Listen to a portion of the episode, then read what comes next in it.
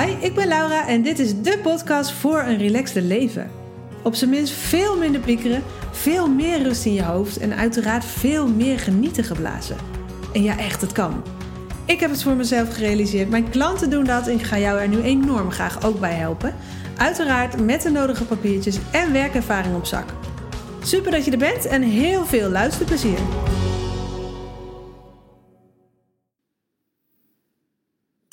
Scheepsrecht, ja toch? Dat zeggen ze toch altijd? Nou, in dit geval vier keer, geloof ik. ik heb echt zo'n dag waarin het allemaal niet vanzelf gaat. Ken je dat? ik probeer al de hele tijd een podcast voor jou op te nemen. En ehm, nou ja, als je me een beetje kent, dan weet je dat ik in principe aan one-takers doe. Uh, ik neem ze gewoon maar één keer op en uh, dat is het. Um, vind ik het fijnste werken.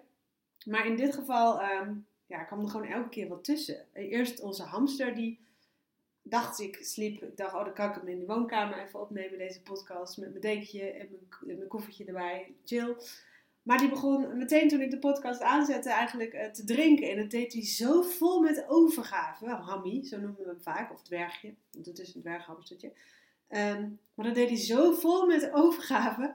Um, ik dacht, ach, dat zal hij wel heel eventjes doen. Um, hij zal over een minuutje wel, wel klaar zijn. Maar hij heeft het gewoon de hele podcastaflevering die ik insprak volgehouden. En toen ik hem later terugluisterde, was er gewoon echt niks van te verstaan van de hele podcast van mij. Dus toen ging hij de prullenbak in. Dus toen met volle moed een tweede keer opgenomen. En toen werd ik de hele tijd gebeld. En om de een of andere reden kreeg ik mijn geluid niet uit van mijn telefoon.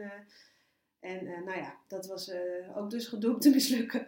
En uh, toen dacht ik, ik ga even wat eten. En dan ga ik daarna het voor een derde en laatste keer proberen, dacht ik toen nog. En toen ehm, besloot een buurvrouw ehm, dat zij een kast uit elkaar zou slaan. Ik denk voor de sloop, zodat hij naar de sloop kon of zo.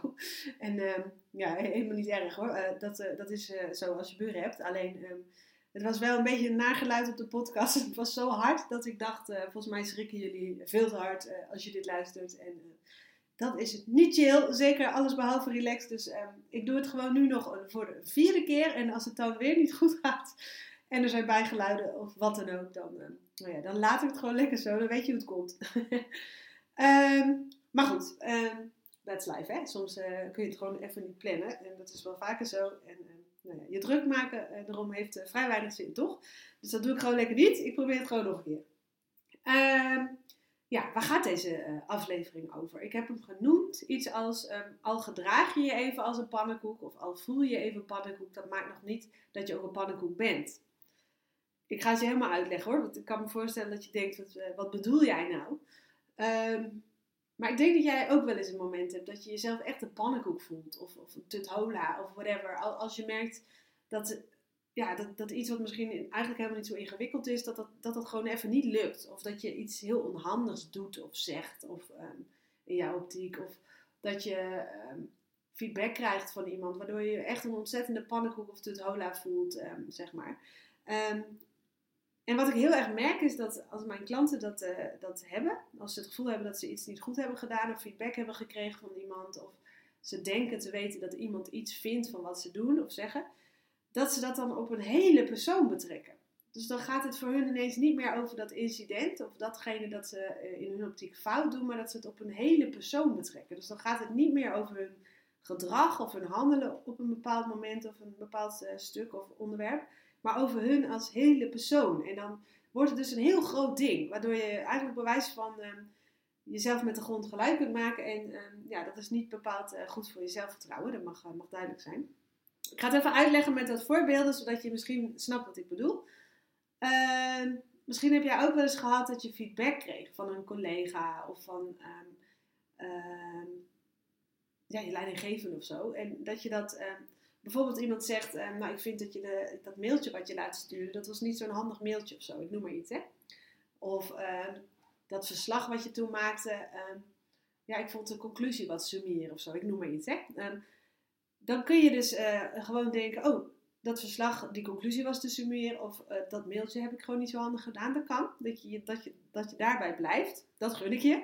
Eh, maar het kan ook dat je dan meteen denkt: zie je wel, ik kan het niet, uh, mijn werk. Of zie je wel, ik ben niet goed in mijn werk. Of zie je wel, mijn leidinggevende vindt mij niet goed in mijn werk. Dan, dan blijf je dus niet bij dat ene stukje, bij dat, bij dat ene uh, taakje of bij dat gedrag wat je op een stuk laat zien. Maar dan betrek je het ineens op je hele persoon of, of op hoe waardevol je überhaupt bent als werknemer in dit geval. Dus dan blijf je niet meer bij het gedrag, maar um, dan ga je het op je hele zijn betrekken. Dus vandaar ook de titel. Um, uh, als je in jouw optiek even gedraagt als een pannenkoek, uh, of als jij denkt dat je je in de ogen van een ander even gedraagt als een pannenkoek of iets niet goed hebt gedaan, dat maakt jou nog geen pannenkoek in zijn totaliteit. Dus het kan gewoon zo zijn dat je even iets onhandigs doet of op een bepaald vlak nog dingen te leren hebt of zo, hè? of op een bepaald vlak feedback krijgt. Maar dat wil niets zeggen over jouw waarde als persoon. En toch voelt dat voor heel veel mensen zo. Dus ik gun het jou enorm. Vandaar ook dat ik deze podcastaflevering voor de vierde keer opneem vandaag voor je.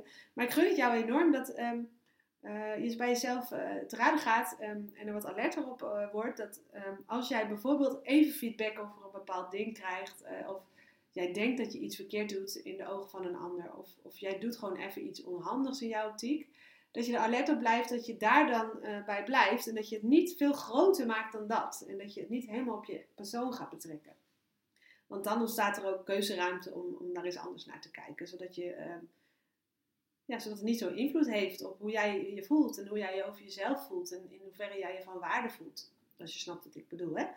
Uh, ja, om een voorbeeld te noemen, ik heb een tijdje terug, ehm, zeiden mijn kinderen, mam, wat ruik ik? En ehm, toen bleek mijn schnitzel compleet aangebrand te zijn. Of onze schnitzels die ik aan het bakken was. En nou, het was echt het meest simpele wat je maar kan doen in, in, in kookland, zeg maar. En ik verpestte het finaal. Het was echt een, een mega zwarte schnitzel waar je helemaal niets mee kon.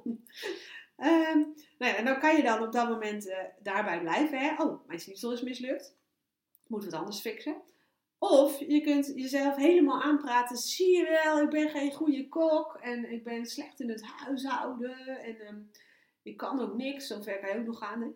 Um, dus dan blijf je niet meer bij dat ene stukje, maar ga je het veel te groot maken, maak je het veel te persoonlijk. Um, of als jij een keertje ruzie hebt met je partner, of eventjes een weekje wat meer ruzie hebt met je partner, noem maar iets, dat je dan meteen uh, denkt, ik heb een waardeloze relatie. In plaats van, ik heb even ruzie met mijn partner, dat je dan meteen denkt, ik heb een hele slechte relatie.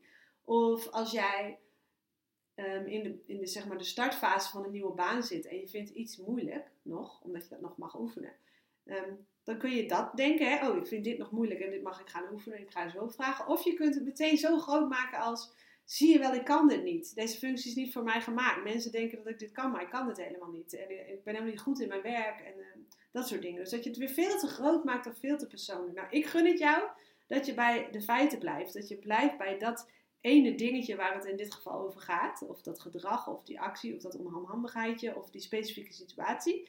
En dat je het niet op je hele persoon betrekt. Dus vandaar de titel. Ook al gedraag jij je in jouw optiek even een pannenkoek. Of ook al heb je even iets onhandigs gedaan en voel je een pannenkoek. Dat maakt jou nog geen pannenkoek in zijn totaliteit. Als je snapt wat ik bedoel. Alright, dat gun ik je enorm. En wat ik je ook nog even op je hart wil drukken. En ik, ik denk dat ik dat eigenlijk vaker moet doen dan dat ik dat doe maar um, weet je, misschien ben jij ook wel iemand die lekker veel podcasts luistert, die lekker veel boeken leest, uh, leest over persoonlijke ontwikkeling. En daar ben ik alleen maar voor. Ik bedoel, ik neem ze niet voor niets op. Hè. Ik, ik denk echt dat het van waarde kan zijn als je uh, nieuwe inzichten opdoet of tips krijgt waar je lekker mee aan de slag kunt. Maar, en hier komt wel even een hele belangrijke disclaimer. Als jij echt wilt dat jij echt dingen verandert, dat er echt transformaties ontstaan in de zin van dat jij je echt anders gaat voelen aan de binnenkant Zeg maar, dat je echt in de kern meer ontspannen uh, gaat voelen, meer uh, relaxed gaat voelen, meer voelt wat je waard bent misschien ook wel. Als je die transformatie echt wil voelen, um, zodat je leven verandert, want daar gaat het gewoon over hier. Zodat je leven fijner en relaxter en uh, ja, lichter wordt, zeg maar. Zodat, je, zodat genieten de boventoon gaat voeren. Als je dat echt wilt, dan is er wel meer nodig dan lezen en luisteren. Ik denk dat je dat misschien wel met me eens bent. En dan zou ik zeggen, alsjeblieft, um, hou het dan niet bij af en toe luisteren van een podcast en een beetje pap en nat houden, om maar even oneerbiedig te zeggen. Ik bedoel het beter dan dat het er nu uitkomt. Ik hoop dat je dat van me aanneemt. Maar boek dan bijvoorbeeld die gratis videosessie. Want als, ik, als jij echt wil dat je gaat voelen dat het anders kan en dat gaat ervaren en daar de rest van je leven profijt van hebt, dan is het wel handig als ik je gewoon ook echt even spreek, één op één. En dat ik je echt aan de hand kan nemen en, en ja, dat, dat ik je gewoon echt kan helpen, zodat je dat verschil gaat voelen. Want het moet gaan om een transformatie en niet om eventjes uh, een tipje die even twee dagen toepast, als je snapt wat ik bedoel, toch? En dat is leuk. Dat is vooral leuk en enorm de moeite waard. Ik ben het levende bewijs, of hoe ik mij voel eigenlijk. Um, dat is gewoon een verademing en um, ja, dat mijn klanten ook. Als je er meer over wil lezen, um, wat er kan gebeuren als je er echt voor gaat, zeg maar met mijn hulp uh, in dit geval dan. Um, lees dan even op mijn website de ervaringen van mensen die jou voorgingen. Um, op www.lauraevers.nl vind je die. Als ik het niet vergeet, zet ik het nog wel even onder deze uh, aflevering. Um, en daar zet ik dan ook weer even de link naar de gratis videocall uh, neer. En dat is echt in twee drukken op de knop kun je hem inplannen op het moment dat het jou uitkomt. En ja, dan ga je echt aan de slag. Dan, dan maak je het verschil tussen af en toe even aan denken en af en toe een tipje toepassen en misschien 1% verschil merken en echt je leven veranderen. En dat gun ik jou zo. Dat is natuurlijk de hele insteek van dat ik zoveel uh, content met je deel. En uh, ja, ik zou zo graag, uh, ik zou je zo gunnen als je de volgende stap maakt. En dat is vooral echt heel leuk en eh, de moeite waard. Want nou, stel, je, stel je het eens voor, probeer het eens. Hoe zou het voelen als jij je in de kern meer relaxed voelt, meer ontspannen voelt, meer voelt wat je waard bent? Hoe voelt dat, denk je? En hoe ziet jouw leven er dan uit? Hoe loop jij dan door de gangen van je werk bijvoorbeeld? Wat een verschil gaat dat zijn? Toch? Of in sociale situaties, um, weet ik veel, bij het schoolplein of, of met je vriendinnen of in de kroeg of, of whatever. Um, maak je geen illusies. Het is geen kleine nuance als jij je fijner gaat voelen. Dat ga je in alles in jouw leven merken. En dat ga jij merken, daar doe ik het natuurlijk voor. Um, dat jij je fijner en relaxter voelt en meer ontspannen voelt en meer voelt wat je waard bent bijvoorbeeld. En gewoon meer plezier en lol en genieten in je leven krijgt. Um, maar dat, dat zijpelt natuurlijk door in alles. Ook in je relatie ga je, merken, ga je het merken als jij je fijner voelt. Ook in jouw interactie met je kinderen als je die hebt. Ga, je, ga je merken uh, dat jij je fijner voelt. je gaat het merken in hoe gezellig en ontspannen het thuis is. Je gaat het merken ook op je werk en in je business. Want reken maar dat als jij bijvoorbeeld meer voelt wat je waard bent, dat je dat nou ja, ook bijvoorbeeld ziet in je onderhandelingen en, en um, in de sales die je doet, in, in de sollicitatiegesprekken die je doet. Dus daardoor ga je waarschijnlijk zelfs financieel merken dat jij je fijner en ontspannen voelt en, en meer voelt wat je waard bent. Het maakt al het verschil.